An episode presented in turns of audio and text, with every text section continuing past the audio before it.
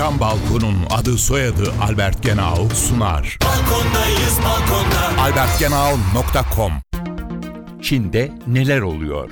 1-2 yıl öncesine kadar gerek ekonomik büyümesiyle, gerek döviz rezervleriyle, gerek dünya ticaretinde hızla artan payıyla 21. yüzyılın ekonomik mucizesi olarak gösterilen Çin, son dönemde bu ivmeyi kaybetmiş görünüyor. Hızlı büyümesi sonucunda dünyanın en büyük ikinci ekonomisi konumuna gelen ve Amerika Birleşik Devletleri'nin ne zaman geçeceği hesaplanmaya başlayan Çin'in batıp batmayacağının konuşulduğu bir duruma gelinmiş olması birçokları için oldukça şaşırtıcı bir gelişme. Ne oldu da Çin doruk noktasından aşağıya doğru kaymaya başladı? Bu gelişmenin altında yatan nedenlerin başında dünya ekonomisinde yaşanan gerileme yatıyor.